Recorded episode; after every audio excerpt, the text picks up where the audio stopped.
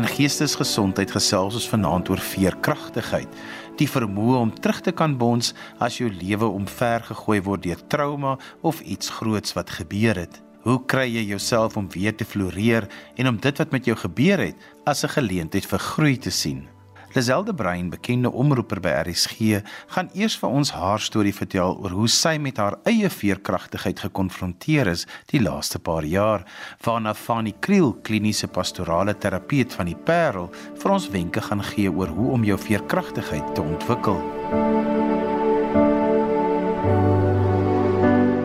Ek gesels met Liselde Brein, bekende omroeper, skrywer. Lisel, wat min mense weet is dat jy ook onlangs moes terugbons van iets en jou veerkragtigheid ook getoets is. Vertel 'n bietjie vir ons jou storie. Johan, ja, ehm um, daar's verskeie goeders wat gebeur het en ek dink die een lei altyd tot die ander ene, maar as jy nou sê onlangs, dit is darm nou al so 4 of 5 jaar gelede, is ek gediagnoseer met lupus. Nou ek het vir baie lank na my huisdokter toe gegaan en vir hom gesê ek voel nie lekker nie. Ek kan nie my vinger daarop sit nie. Ek het nie griep nie, ek het nie verkoue nie. Ehm um, my knie is seer of my skouer is seer of my bene seer, maar ek voel af. Ek het so ligte koorsie aan my en ons kon nooit ek wil amper vir jou sê regtig vir 4 jaar lank het ek vir hom gesê ek voel nie lekker nie. Totdat dit op 'n punt gekom het tot ek vir hom gesê het jy moet my asseblief nou in die hospitaal opneem want ek kan nie meer uit die bed uit opstaan nie. Nou natuurlik die eerste ding wat dokters gaan is depressie. Hulle dink jy uh, ly aan depressie jy en dis hoekom jy nie lekker voel nie want hulle kan niks anders fout vind met jou as hulle die bo langse toetse doen. En dit is nou niks negatiefs teenoor 'n dokter of die dokter wat my vir 4 jaar gehelp het om te probeer kyk wat fout is nie. Maar toe gebeur daar die gelukkige ding dat ek 'n uitslag op my gesig ontwikkel wat toe nou maak dat ek na 'n dermatoloog toe gaan en hy het onmiddellik gesê jy moet 'n reumatoloog sien want hierdie is 'n teken van lupus. Nou, ek het nie geweet wat lupus is nie. Ek moes dit gaan naslaan. Ehm um, so dis nou 'n baie kort storie om vir jou 'n lang storie kort te maak. Ek het nie geweet wat lupus is nie. Ek moes dit gaan oplees. Ehm um, ek moes gaan hoor wat is die simptome. Ek het 'n baie lang afspraak by die reumatoloog gehad. Sy het mooi vir my verduidelik hierdie ding is onomkeerbaar. Dit beteken jou immuunstelsel val jou lyf aan. Dis hoekom ek 'n uitslag op my vel het want my immuunstelsel dink my vel is 'n foreign body en en dit moet nou nie hier wees nie. Daarom begin hy om siek maak en dit was so met die res van al die simptome gewees. En hulle kan dit nie gesond maak nie en dit val ook jou organe aan, soos jou niere en jou lewer en al daardie goeters. So dit is nou nie nuus wat jy wil hoor nie. Jy wil nie hoor dat jou lyf dink jy is eintlik iets wat nie daarmee wees nie en hy van homself aan so jy met ander woorde jy maak jouself siek. En ehm um, hulle weet nie wat dit veroorsaak nie. Die oorhoofse mening is dat dit spanning is en alles wat ons vandag doen en alles wat ons vandag eet met al die ehm um, chemikalieë en die goeders wat daarbey is. En toe gaan ek nou in die bed want wat moet jy nou doen? Jy hoor nou jy het nie kanker nie. Jy's daar's nie iets wat jy kan identifiseer wat jou gaan doodmaak nie, maar jy jy jou liggaam is besig om homself dood te maak. Toe klim ek in die bed en ek trek die kombers oor my kop. En daar lê ek toe nou vir 2 dae in die bed en ek voel vir myself jammer want ons kan hierdie ding nou nie gesond maak nie. En so teen die tweede oggend toe besef ek, goed, niemand gaan my nou kom help nie. Daar's niemand wat my nou gaan troos nie. Ons is nie eintlik regtig seker wat dit is en hoe dit werk nie, maar in die bed kan jy nou nie bly nie. Ons kan nou nie hier lê tot iemand jou kom haal en in 'n kus sit nie. En toe ek so opstaan uit die bed uit en alles in my lyf is seer want dit beteken jou lyf het inflammasie in. So al jou gewrigte is seer, jou spiere is seer, alles is seer. Toe staan ek op en ek dink Miskien moet ek nou net dankie sê dat ek wel spiere het wat kan seer wees. So kom want seer spiere beteken jy leef nog. Ehm um, en en dis mos tog nou wat ons wil doen. Daar's mos nou hierdie oorlewingsdrang wat moet gebeur. En toe begin ek dankie sê. Elke oggend as ek wakker word of as ek van 'n stoel af moet opstaan en ek sukkel en ek lyk soos my ma wat 87 is en ek is eintlik nog my laat 40s, my vroeg 50s sê ek dankie dat ek kan opstaan. Dankie dat ek wel hierdie drie tree kan gee. Dankie dat ek nog oë het wat kan sien dat die son skyn en dat die gras groen is. En so het ek vir elke ding begin dankie sê. Jy's nie lus nie. So daar's nie 'n vroeg ek bedoel, dis nie iets wat jy wil doen nie, maar ek het letterlik en ek het daarop gelet om vir elke ding dankie te sê. As ek as ek dink, "Oeg, dit was nou seer," dan sê ek dankie dat dit seer was. Dit beteken ek kan nog voel. Dit beteken my brein werk. As my koffie my mond brand dan dan beteken dit jy het nog smaak al daardie tipe van dinge het gebeur en daai dankbaarheidsjourney het my lewe verander. Want as ek nie dankie gesê het vir my seer spiere nie, dan was ons dan nie vandag hier nie. Dan het ek nog in die bed gelê met die kombers oor my kop. En ek dink wat in my gunstel is dat ek kies om te glo. Ek kies om te glo dat daar iemand is wat vir my sorg en wat my vashou. Met ander woorde, my geloof saam met my dankbaarheidsjourney gee vir my hoop dat hierdie ding gaan beter word en dit word beter want daar is medikasie wat jy kan drink om dit onder beheer te hou. Dit maak jou nie gesond nie, maar dit hou jou onder beheer. En dit was dan die tweede ding wat gebeur het. Ek moes my medikasie verander want die eerste een het my het my oë ehm um, laat verswak en nou so dit beteken ek drink nou chemo om die ding onder beheer te hou. Nou die chemo soos wat almal weet, het ook net mos nou 'n ander invloed op jou lyf. So nou moet ek verander goed dankie sê, want dit is nie lekker om elke week chemo in jou lyf te kry. En jy weet jy het nie kanker nie, so dit is nie jy weet dit, dit is nie om kanker gesond te maak nie. Jy moet nou permanent moet jy nou hierdie medikasie drink sodat jy kan beter voel.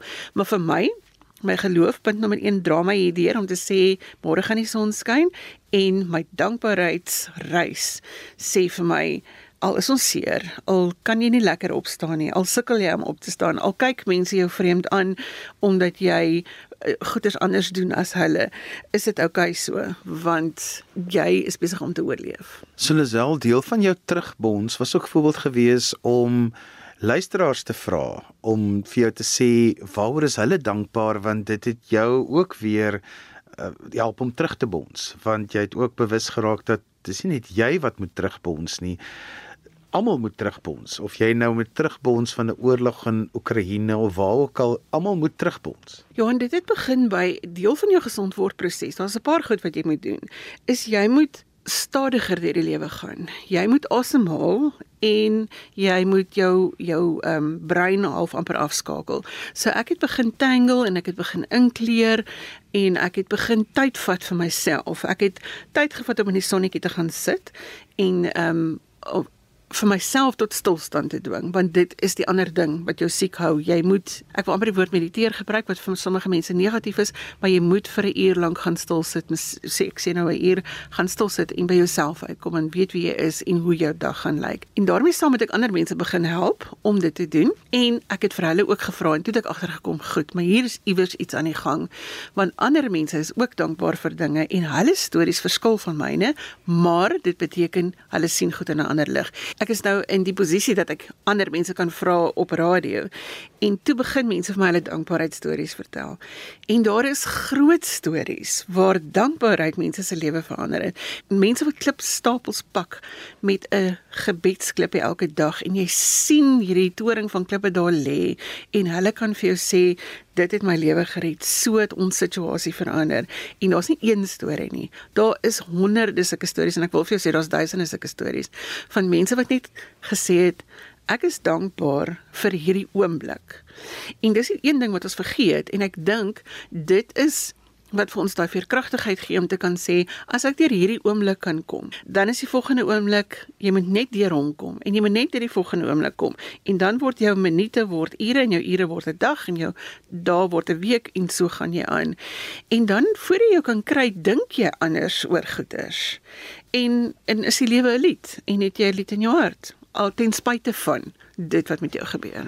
Wanneer mense veerkragtigheid getoets word, dan gebeur outomaties groei in 'n mens. Dis die twee gaan hand aan hand, soos dankbaarheid en hoop en al die dinge wat daarmee saamgaan wat jy so mooi uitdruk. Maar watter groei was daar by jou gewees oor dit wat met jou gebeur het? Kyk, ek moet nou vir jou sê, dit klink nou maklik soos wat ek en jy nou hier gesels, nê? En en ek is nou op 'n plek waar ek kan dankie sê vir enigiets en waar ek vrolik kan wees daaroor.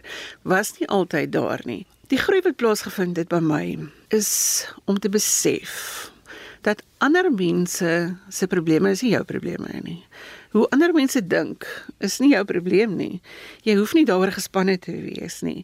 Wat ander mense doen is nie jou probleem nie. Jy hoef nie daaroor gespanne te wees nie. Hoe hulle oor jou dink, het eintlik niks met jou te doen nie. Dit het eintlik alles met hulle te doen. Ek het geleer dat ek nie die wêreld se probleme kan oplos nie. So ek hoef nie te probeer nie. Dat die wêreld gaan nie stil staan as ek nou vir 'n uur my gedagtes gaan afskakel nie. My groei het plaasgevind dink ek in die wete dat ek is genoeg. Ek weet wie ek is En dit is wat ek vir jou aanbied. As dit nie vir jou genoeg is nie, is dit nie my probleem nie. Ek hoef nie verder te stres stres te dra. Ek hoef nie mense se stres te dra nie. Ek hoef nie vir mense te sorg nie. Hulle kan vir hulle self sorg. Wat my taak is en my verantwoordelikheid is om te sorg dat ek deur die volgende oomblik kom en deur die volgende minuut en vir deur die volgende uur en deur die volgende dag. En ek dink daai groei het gemaak dat ek dinge anders sien, dat ek mense anders hanteer, dat ek situasies anders hanteer en dat daar 'n kalmte in my wese is wat sê alles is oukei, okay, jy gaan nie deurkom. Die woord veerkragtigheid kry vir mense 'n nuwe betekenis as 'n mens se veerkragtigheid getoets word. So wat beteken veerkragtigheid vir jou op 'n persoonlike vlak? Veerkragtigheid dink ek is presies wat dit sê. Jy word ehm um, gekonfronteer met 'n situasie en jy moet die situasie hanteer en dis eintlik al wat dit is want as die situasie hanteer is dan kan jy vorentoe gaan. So en daar's mos nou verskillende maniere hoe jy dit kan doen. Jy kan of met die probleem werk of jy kan om die probleem gaan. Dit maak nie eintlik saak nie, solank as wat jy aan die ander kant van die probleem kom en solank as wat jy gevul is met 'n vreugde wat maak dat jy met 'n glimlag en 'n glinster in jou oog die dag kan aanpak. So veerkragtigheid vir my is kom ons pak die dag aan en ons doen wat ons kan en ons kom aan die ander kant uit. So laaste vraag Lisel, jy maak 'n lewe met jou stem en een van lupus se simptome is dat jou stem net soos 'n ou diesel engine 'n bietjie langer vat om aan die gang te kom as ander mense se. So vat ten minste 'n uur vir jou om nou te klink soos jy nou op hierdie stadium klink. So dit bedreig ook wat jy elke dag doen. Hoe het jy met daai angs gewerk? Angs is 'n baie lelike ding. Vrees is 'n baie lelike ding. Jy moet aktief die angs en die vrees in jou gedagtes hanteer. Jy kyk na angs, jy sê wat is dit wat jou angstig maak en dan pas jy aan want ja, my stem is nie wat dit moet wees nie. My hele lyf, dit vat vir my 'n rukkie om aan die gang te kom en om flink en vinnig die trappe te kan uitklim. Maar ek pas aan. My ek pas my hele dag aan. Ek rig my dag so in dat ek die beste kan doen met dit wat ek het om by die eindresultaat uit te kom. Jy moet aanpasbaar wees. Aanpasbaarheid. Nou moet ek ook vir jou sê die ander goed wat ek gedoen het is dit vat ons sê altyd to raise a child it takes a village. Nou moet ek vir jou sê, dit gaan oor reg eet, dit gaan oor oefen, dit gaan oor mediteer, dit gaan oor ontspan en dit gaan oor beplanning. Ek beplan my dag, ek's 'n lazy mens. Ek weet wat ek moet doen. Daar's nie onverwagthede wat my kan gooi en wat my gespanne kan maak en wat angs by my veroorsaak nie. Um ek hanteer dit in die oomblik en sorg dat dit onder beheer is.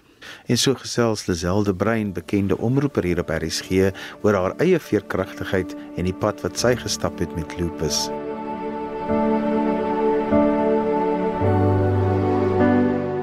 Fanny Kriel is 'n kliniese pastorale terapeut van die Parel. Fanny, wat is veerkragtigheid? Johan, veerkragtigheid verwys uh, na die vermoë om te groei, dis 'n belangrike woord en te floreer uh, wanneer jy met uitdagings gekonfronteer word en dan verder as ook om terug te bonds wanneer jy teenspoed beleef. So ek wil dit verskillik uh, net weer sê want mense praat daar ehm um, die Engelse woord daarvan is resilience. Uh, mense begin al, al hoe meer van veerkragtigheid praat en daar's in die afgelope tydskrifte in die in die week het ek gesien uh, is artikels oor veerkragtigheid. So dit is 'n ding omdat ek dink die ganse wêreld op hierdie stadium swaar kry en ons deur moeilike goed gaan. Ons is nou net deur Covid, ons is nou met die inval van Rusland in Oekraïne en dit amper 'n woord geword wat mense na soek. So ek wil net weer sê veerkragtigheid verwys na die vermoë om te groei en te floreer wanneer jy met uitdagings gekonfronteer word. Asook om terug te bons wanneer jy teenspoed, teenspoed beleef. En teenspoed kan mos nou wees werksverlies, ehm um, finansiële probleme, siekte, kan dood van 'n geliefde wees, dit kan natuurrampe wees. Dit kan wees wat nou net besig is of net gebeur het in KwaZulu-Natal die afgelope weke. Ehm um, dit kan die COVID wêreldwyd wees en ook die inval van van Rusland in Oekraïne. So uh, dit sluit natuurrampe en verskillende goed uit en en om te kan groei en te floreer. Ehm um, dis eintlik die woorde wat dis sterk woorde ehm um, maar ook om nie terug te deins van van uitdagings en teenspoed nie. Ek dink dit is die beste definisie wat ek van veerkragtigheid kan gee. Van hierdie deel wat vir mense altyd 'n uitdaging is, is ons by die woordjie groei kom wanneer 'n mens met teenspoed gekonfronteer word, want dis dan nou baie keer die laaste ding waarvoor jy krag het. Ja. En ek dink nie 'n mens moet dit sien ehm um, as iets wat jy nou moet gaan doen nie, Johan. Ek dink dit is iets wat net soms met jou gebeur. Wil vir Hoddelin een van die groot ehm um, sielkundiges en ook filosowe aanhaal waar hy gesê het if if if I step onto my misfortune I will stand higher. Ek wil dit weer herhaal if I step onto my misfortune I stand higher. In in ek haal aan uh, van bladsy 45 in Viktor Frankl se boek A Yes to Life waar hy juis praat oor om 'n ja te gee vir die lewe Johan. Um, ongeag wat met jou gebeur. En en jy's reg. So so wat ek uh, by Holderlin wil aansluit is wanneer hy sê if I step onto my misfortune, I will stand higher. Um, dis nie 'n ding wat jy moet sê goed. Ek is nou besig om hartseer en ek gaan deur hierdie verlies van my kind of deur 'n ongelooflike krisis. En en nou sit weer 'n volgende dingetjie wat ek moet doen. Ek wil nog groei ook. Nee, ek ek dink eh, 'n 'n mens groei van self as jy deur sekere goed gaan. Met ander woorde en vanaand wil ons so mense help. Ehm um, wat deur krisisse gaan en wat al hoor van die veerkragtigheid en sê maar ek kry dit nie reg nie. 'n soort van ek wil eintlik maar net in 'n gat gaan sit. Ehm um, en en daarom wil ek vir jou sê jy's doodreg Johan. Dit is eh, dis soos om vir iemand te sê wat 'n depressie of angs het uh, maar een van die beste goed vir jou is om te gaan oefen. Uh, maar as jy's die punt, iemand wat in 'n gat sit soms met depressie is nie lus vir oefen nie. So ek wil ek wil graag oor dit wat jy nou net gesê het, uh, wil ek net twee ehm um, twee begrippe op die tafel sit. En die een gaan daaroor dat uh, veerkragtigheid gaan nie net oor oorlewing nie. Uh, maar dit gaan oor om uit te styg bo jou omstandighede. En omstandighede praat ons nou nie hier van jou kinderjare dit kon wees of swaar kry of armoede omstandighede. Maar ons ons praat nou van die 'n uh, verlies wat jy die afgelope tyd gehad het nê. Nee, um en en uh, so ek wil twee woorde hier inbring Johan wat vir my baie belangrik is. En dit gaan albei oor die stam leef nê nee, om um hier by ons is 'n sekuriteitswoongebied Waldewie um die vallei van die lewe. Um met ander woorde dit gaan oor om te leef nê. nee maar dit gaan oor die voorvoegsel. So party mense oorleef net en ander mense beleef. En veerkragtigheid gaan vir my meer as net oorleef. Dit gaan nie net dat ek ehm um, vanaand uh, dat ek fisies iewers uh, myself kon aan die lewe hou. Ja, soms is dit ook dit, maar vir my gaan dit baie sterk by veerkragtigheid oor om te beleef ongeag die omstandighede waar wat rondom jou aangaan. En dan as ek dit in een sin kan saamvat, is die ou klise stelling wat ons altyd gemaak het, maar ons moet leer om in die storm te dans en ons moet nie wag dat die storm eers verbygaan nie. So vanaand se gesprek gaan baie oor oor oor hierdie ehm um, beleef in in in terme van oorleef. Fanny is baie mense net meer veerkragtig as ander aan die een kant en dan wil ek ook weet kan 'n mens veerkragtigheid aanleer? Ja ja. Ehm um, so ek sê nou vinnig ja ja maar dit dit gaan nie so dis nie soos byvoorbeeld uh, jy is vinnig jy's ongelooflik vinnig of jy is nie. Ehm um, of jy is 'n goeie atleet of jy is nie. Ehm um, met ander woorde veerkragtigheid is baie soos eie waarde nê. Nee, eie waarde is nie 'n stabiele entiteit nie dis labiel. Dit gaan op en af. So daar is tye wanneer ons eie waarde hoër is as ander tye in ons lewe en en met veerkragtigheid gaan dit so dat ons kan dit verbeter, ons kan dit aanleer, maar daar's ook sekere goed, byvoorbeeld as jy in 'n veerkragtige huis groot geraak het of jy het in jou kinderjare het jy veerkragtigheid geleer, jy het dit modelleer, jy het dit by ouers geleer dat jy dit beter gaan kan doen as mense om jou. Ehm um, dit gaan ook daaroor dat as jy uh, soos ek net ge, gesê het, uh, as jy al geleer het in jou lewe soos Holderlin gesê het, om op jou misfortune to step on it, nê. Nee, ehm um, want dan staan jy hoor. As jy al swaar goed in jou lewe beleef het en jy het al geleer om veerkragtig te wees, gaan jy dit beter doen as mense om jou. Johan, miskien moet ek net gou-gou vertel van 'n van 'n voorbeeld van ongelooflike veerkragtigheid en dit was in een van ons naweekblaaie gewees. Het 'n uh, Hanlie Retief het sy 'n onderhoud gevoer met Andrei Venter. Nou Andrei Venter, uh, almal sal hom onthou as die geharde flank wat vir die Vrystaat en ook vir die Springbokke rugby gespeel het. En hy het 'n rare siekte gekry, 'n virus wat ehm um, sy rugmurg aangeval het en wat toe veroorsaak het dat hy gevoel eers in sy een been en toe sy ander been en dat hy nou fisies in 'n reistool sit.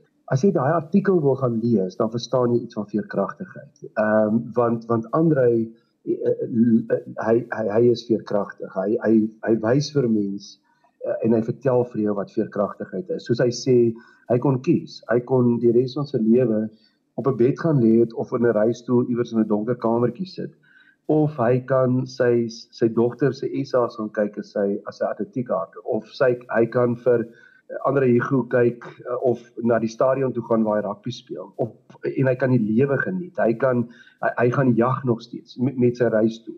Uh, hy hy lewe, hy hy bedryf 'n besigheid met sy reis toe. So uh, dit is veerkragtigheid, nê, nee, dat jy dit kan ontwikkel, maar wat belangrik is in jou vraag is jy moet jou eie veerkragtigheid uh, verstaan en dit ontwikkel. Uh, so dit is nie noodwendig uh, hierdie een soort van size fits all nie dit is Johan dit is 'n geestelike reservoir van krag wat mense in tye van nood kan kan aanroep of kan waar hulle kan gaan put sonder om heeltyd uitmekaar uit te val. So swaar kry in die lewe en hoe jy dit oorwin het, leer vir jou veerkragtigheid. Ouers wat om jou veerkragtig is, help meer veerkragtigheid. Ek ek gaan net 'n bietjie gaan kyk na die eienskappe of hoe kan ons meer veerkragtig raak? Hoe kan ons dit inbou in ons lewe? En een van hierdie dinge waarna ek gaan wy, verwys is sosiale netwerke. Nê, nee, so deel van veerkragtigheid is om te gaan sê maar eh, ek wil gaan hulp soek. So kom ons maak dit verskriklik prakties, nê. Nee. Uh byvoorbeeld in sommige omstandighede is is vrouens so bietjie meer veerkragtig as mans en ek verwys nou spesifiek na na daai ou ding van jy gaan verdwaal nou bietjie in 'n stad of iewers en en uh, wat is jou einddoel, nê. Nee, dis nou nog jou jou GPS is pap of uh, jou foon is pap of die GPS vang nie op nie. Jou einddoel is jy wil betyds by 'n plek uitkom, nê. Nee. Maar maar nou is jy laat of jou motor se band is stikkend gewees of wat ook al. So, hoeveel kragtig is jy nou? So 'n vrou wat byvoorbeeld vir jou sê man ry by die eerste volstasie in en en gaan vra die aanduidings, gaan vra die rigting, waar is die plek? Uh, dit is deel van veerkragtigheid om jou netwerke of jou ondersteuning in daai situasie te gebruik en om nie veerkragtig te wees nie is om te sê nee maar ek gaan nie hulp soek nie. Ek ek gaan nou maar laat wees of verdwaal of nie die plek kry nie. So veerkragtigheid uh, Johan, ehm um, veerkragtige mense, dis die belangrike punt wat ons vanaand moet onthou, nê. Onthou veerkragtige mense beleef ook angs. Uh, hulle beleef ook hartseer van 'n kind wat dood is. Uh, hulle beleef ook verlies. Uh, hulle is ook soms geskok Maar die belangrike punt vanaand is nê, nee, hulle kom vinnig weer weer op hulle voete. Uh, die belangrike punt is hulle gebruik nie absolutistiese taal wat hulle uitmekaar laat val nie. En dan 'n ander belangrike ding is vir kragtige mense uh, is nie altyd nie, maar dikwels is hulle self sterker na die tyd. Omdat hulle vir hulle self gesê het ek gaan die situasie gebruik om soos my kinders te sê terug te bons ek gaan hierdie situasie gebruik om deel te raak van my karakterskool waarin ek geleer het. Ek gaan nie vir ewig in 'n gat bly sit nie. So ek dis nou 'n lang antwoord vir jou vraag, kan ons dit aanleer? Nee, verseker kan jy dit aanleer. En ek dink ook dis hoekom ons vanaand se program hier het, is vir my om mense te help om deur hierdie tyd waar ons die afgelope tyd is om veerkragtigheid aan te leer. Fanie dit voel vir my nê of ek amper makliker teruggebons het toe ek jonger was as wat ek dit nou doen. Dit voel vir my baie keer of ek toe dalk was dit net uit onkunde uit, maar minder goed vir my aangetrek het as wat ek dit nou doen nou dat ek ouer is. Uh, maak dit vir jou sin? Ja, ek dink dit maak vir my sin. Kyk kyk, ek dink daar's 'n paradoks in Johan. So kom ons begin eers deur te sê ek dink jy's reg. Nee, ek ek voel ook eh, nou op 52 het ek baie keer 'n bietjie minder veerkragtigheid en ek wil amper sê selfvertroue as ek op 32 gehad het. Nee, dis asof 'n mens dis asof die jeug en die jong mense baie makliker op 'n mat kan dans wat wat se hoeke nie vasgekap is nie. Nee. Dat dat jong mense soort van groot geraak het met met 'n onsekerheid, groot geraak het met daar's nie net een antwoord op al die vrae nie. Groot geraak het met kom ons lewe hierdie lewe voluit en ons kyk waarheen ons gaan e, e, op pad is. Ek ek dink dis die een kant daarvan, nê, dat jong mense die land makliker op hulle uh, voete en dat as jy hoe ouer mens raak, dat jy soms bietjie rigied kan raak in die omstandighede.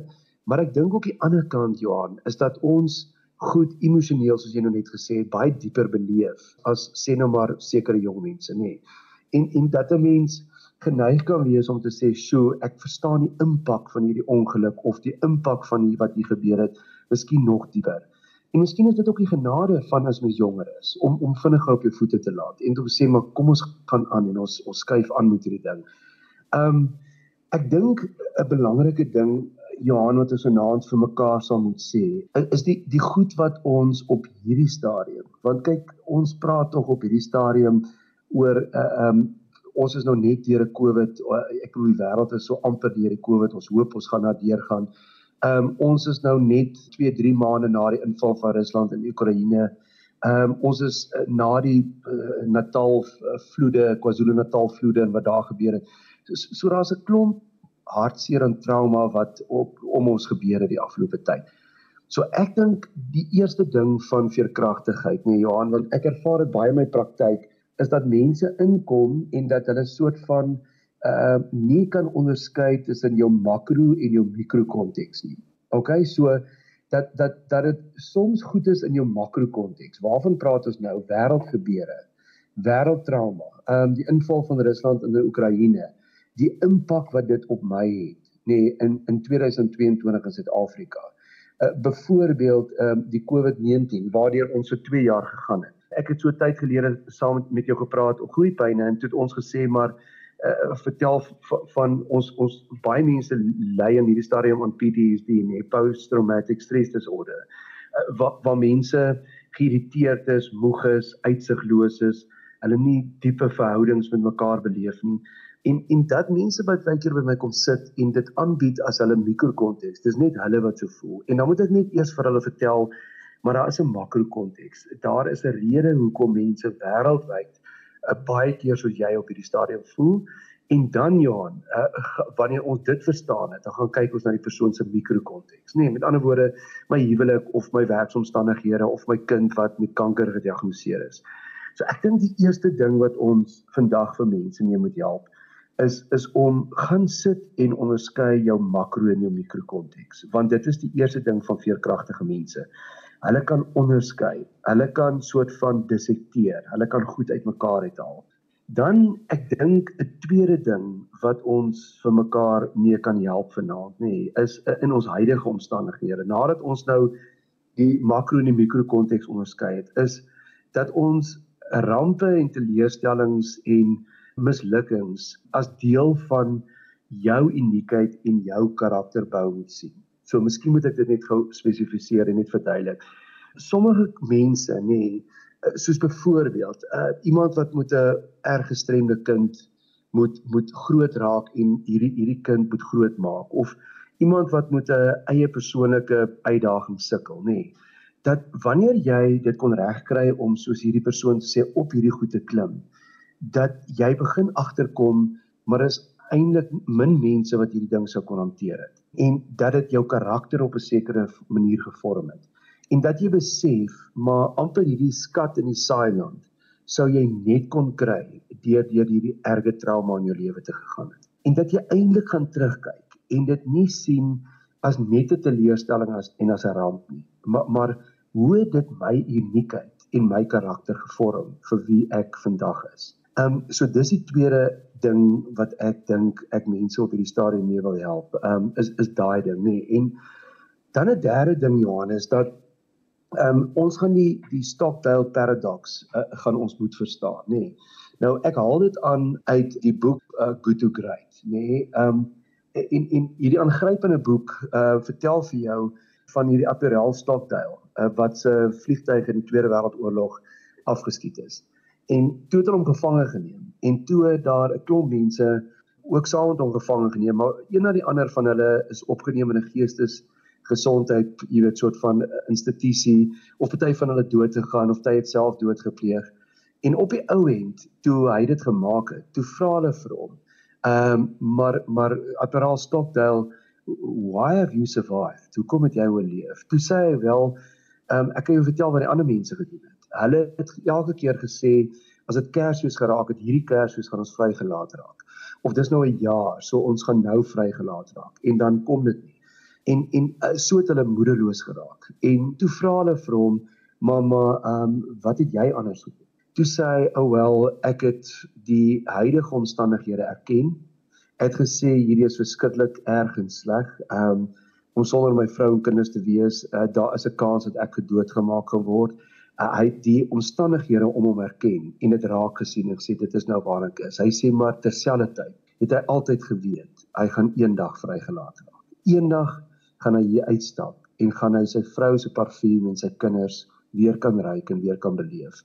En dit staan bekend as die Stockdale paradox dat ons in hierdie tyd ja en um, en ek dink dis nog 'n punt van uh, hierdie hele ding van veerkragtigheid dat ons vir onsself sal sê dat jy nie die hele tyd vir jouself moet sê ag hierdie is sleg en hierdie is verskriklik of aan die ander kant jy moet sê maar hierdie moet anders wees of hierdie moet verander nie dat jy in hierdie paradoks sal lewe van uitdagings van die omstandighede om jou dat dit soos die mense die Engelsman sê that you face the music maar terselfdertyd ook sê maar ons gaan oor hierdie ding kom. Daar gaan daar is weer hoop en ons gaan hier hier deurkom.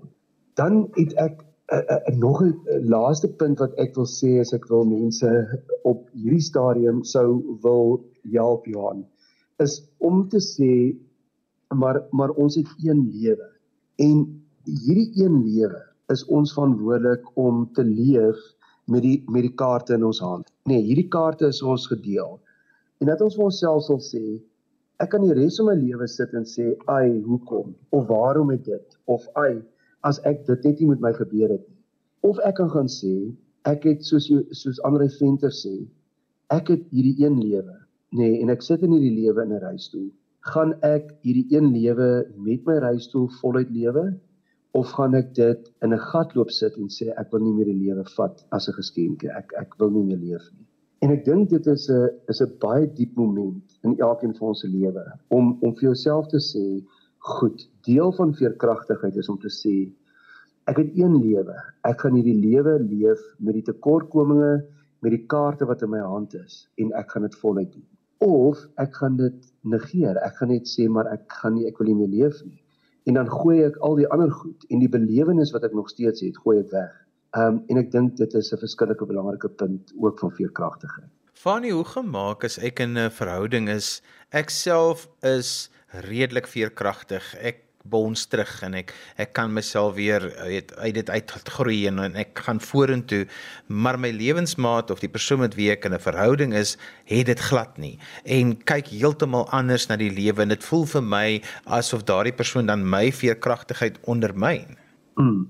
En en ek dink dit is dan deel van die veerkragtigheid om heeltyd dan net terug te kom om te sê maar maar gaan ek dit hoe gaan gaan ek dit toelaat of nie? Met ander woorde, gaan ek afsweer in daai persoon of daai persoon aan my? Gaan ek die lig in die donker stoor wees of gaan die donker te my oorwin? En ek dink deel daarvan is om uh, dit uh, ja, ek ek um, dis nou net 'n soort van 'n metafoor wat jy gebruik het, maar kom ons sê jy leef saam in 'n verhouding om jou veerkragtigheid ehm uh, heeltyd uit te oefen. Maar op so 'n manier dat jy respek het vir jou lewensmaat en om te sien dat hulle kry swaar. Uh, maar om by hulle te staan en en om te sê, "Kom ons kyk bietjie anders na hierdie ding." Kom ek en dat jy so afgee want uh, tog ouerhuise gee af op kinders en dat jy ook so kan afgee op jou lewensmaat. Maar maar Johan, ek dink 'n belangrike ding is jy, jy kan in hierdie hele proses ongeag die omstandighede rondom jou ek dink ek kan jy twee rolle inneem. Jy kan 'n 'n vegtersrol inneem of jy kan 'n 'n slagofferrol inneem.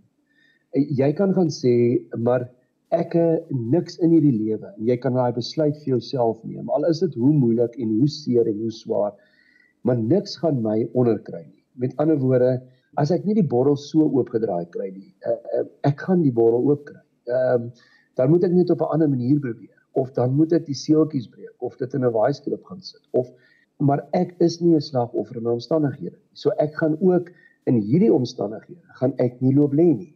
So as jy dan ook dit sê net maar vir jou soos jy sê in 'n verhouding is of jou lewensmaat, ehm um, dat dat jy dit kan uitleef en sê goed, maar jy's nou moedeloos of jy is ook moedeloos met my, maar in my lewe gee ek jou op. So kom ek en jy gaan sien 'n beraader. Kom ek gaan weer van voor af probeer of kom dat ek jou net weer hoor, miskien hoor ek jou nie goed nie.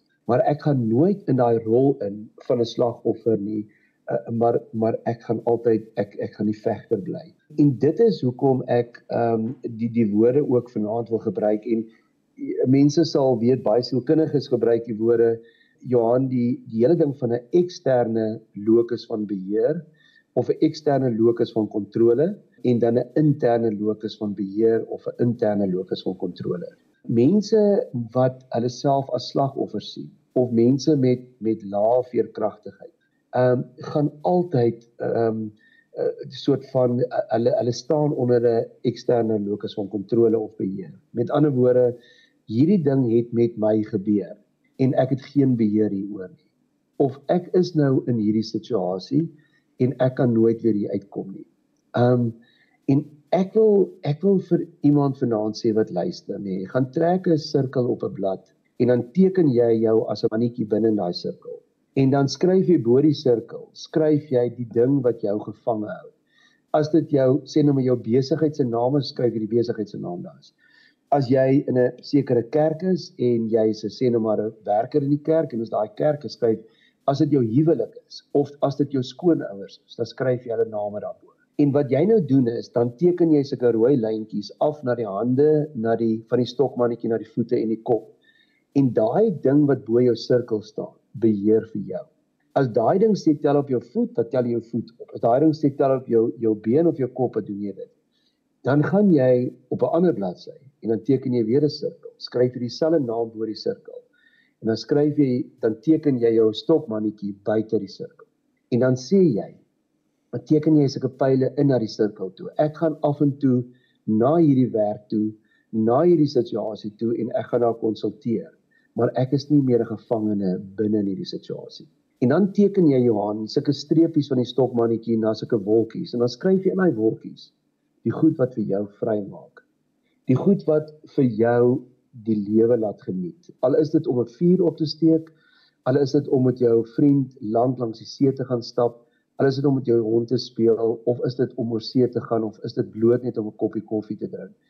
Gaan skryf die goed neer en dan sê jy vir jouself ek gaan nie meer dat hierdie eksterne goed in my gevangene hou van waar ek nou is nie. Ek gaan uitklim en ek gaan nog af en toe want ek kan partykeer nie hierdie goed uit my lewe uit wegkry nie.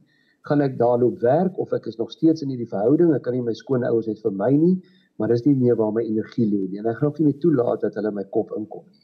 En en dit is 'n verskillike belangrike punt van veerkragtigheid, dat jy vir jouself sê ek het 'n innerlike locus van kontrole. So ongeag wat met my gebeur, want dit moet ons vir mekaar sê Johan, dat uh, ons is maar almal windpompe. Uh, nee, en ons almal gaan die wind van voor kry.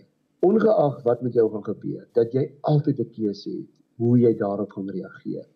En dit is hierdie innerlike locus van kontrole. Nog 'n ding wat ek wil op die tafel sit vanaand is dat om veerkragtig te wees of om deur 'n krisis te gekom het of deur 'n pyn in jou lewe nê, Johan, moet jy vir jouself die volgende sê. Sê vir jouself, gaan ek vir lewenslank so jy het 'n keuse nê, gaan ek lewenslank nou in hierdie gat loop sit? Ehm um, of gaan ek ehm um, uit hierdie gat uitklim? Nê, met ander woorde, jy jy, jy gaan letterlik op die vloer loop sit. Jy kan 'n sirkel ook om jou trek en jy sê vir jouself, gaan ek in hierdie gat vir die res van my lewe bly sit? Ehm um, en jy het heel moontlike redes om dit te besluit. Jy kan self dit besluit my kind is oorlede of ek my huis het afgebrand of daar's 'n groot trauma wat my lewe met my gebeur het en ek sê hierdie nie ligtelik nie. So gaan ek vir altyd in hierdie gat sit of gaan ek iewers uit die gat uitklim en aanhou moet lewe? Vra net eers so daai vraag. En dan as jy sê nee, ek ek kies om uit die gat uit te klim. Ek ek wil lewe. Ek wil nie ophou lewe nie. Dan vra jy vir jou tweede vraag. Goed. Hoe lank gaan ek nog in daai gat sit? En wanneer gaan ek besluit om uit die gat uit te klim? En Johan, niemand kan vir jou sê wanneer jy dit moet doen nie. Jy jy dis die interne locus van kontrole. Jy besluit self wanneer jy uit hierdie gat uit wil klim. Maar ten minste het jy beheer daaroor.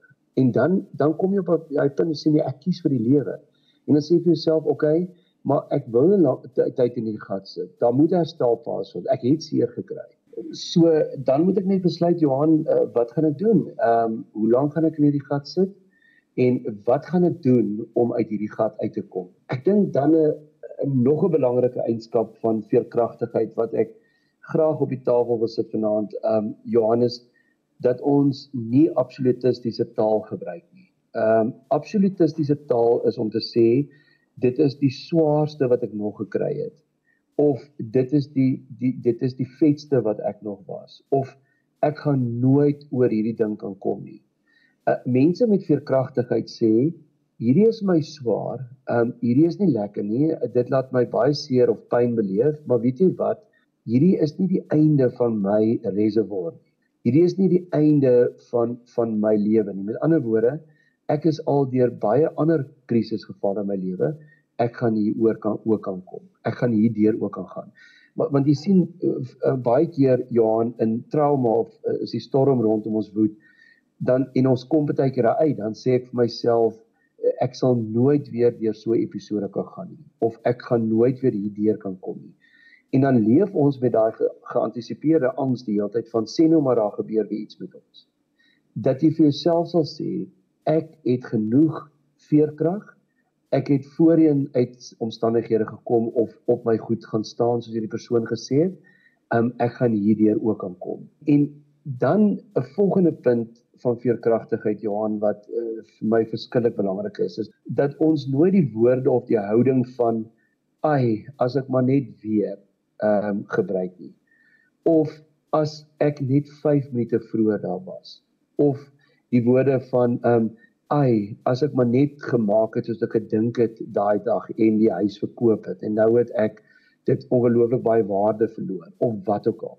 Want wat gebeur is Johan ons werk met hierdie gedagte van ai dinge is nou abnormaal of ek is nou ek is nou abnormaal of ek ly nou in depressie of angs en ek is nou 'n halwe mens. So as ek net weer die persoon kan wees wat ek was en en dit help nie vir ons om met ander woorde met veerkragtigheid te leef nie. Want dan sit jy vasgevang in jou omstandighede of jy sit vasgevang in die goed wat jy niks kan aan verander. So jy moet gaan sit en sê, maar maar ek gaan nooit weer daar kom nie. Of ehm um, jy kan altyd in die hoop leef vir die Stockdale paradox. Maar maar ek was in hierdie ongeluk, ek hierdie gebruik vir my bene verloor. Ehm um, ek gaan nooit weer my bene so dit help nie ek gaan die hele tyd teruggryp na toe ek nog 'n goeie rugby speler was. Ek is nou hier hoe moet ek nou hier vanaf vorentoe gaan? En ek dink dis 'n verskillike belangrike punt ehm um, Johan van veer veerkragtigheid. Fanie, ons tyd is verby. So kom ons som op. Wat sê ons vir ons luisteraars vanaand oor veerkragtigheid? Ja, ek dink dat ons moet ehm um, gaan kyk na ons probleemoplossingsvaardighede.